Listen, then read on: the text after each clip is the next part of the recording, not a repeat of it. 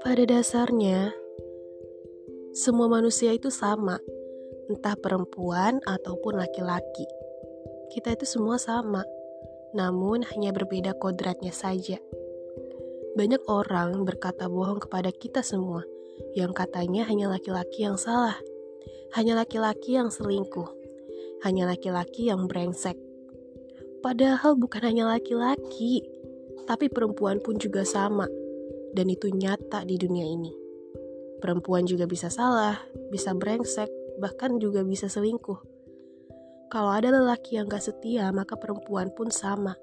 Mereka ada yang gak setia juga. Dan kalau lelaki ada yang tulus, pasti perempuan juga ada yang tulus.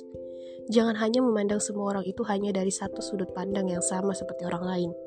Seperti contohnya, si A berkata bahwa semua lelaki itu brengsek. Dan kamu ikut-ikutan juga menganggap seperti itu kita semua itu beda, ada yang baik, ada yang buruk, juga begitu pun sebaliknya.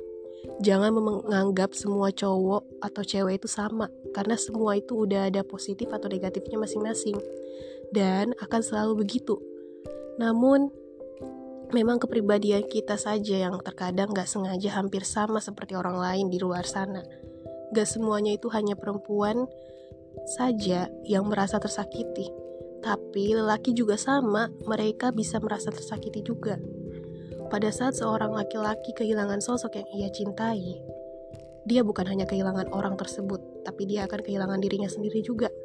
Laki-laki yang mempunyai prinsip, harga diri, dan segala hal yang udah lekat di dirinya akan dikorbankan kepada perempuan yang dia cintai.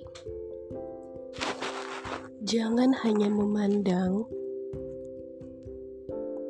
bahwa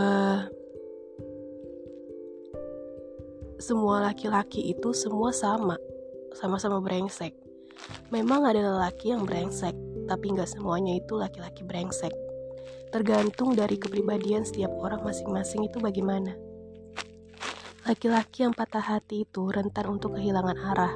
Yang dia tunjukkan memang terlihat baik-baik aja, tapi bukan itu sebenarnya yang dia rasakan. Bahkan bisa dibilang berbalik banding dengan apa yang dia tunjukkan. Seorang laki-laki juga memiliki ketakutan dan trauma untuk ini, bahkan sampai mereka masih belum siap atau bahkan takut untuk memulai yang namanya hubungan baru.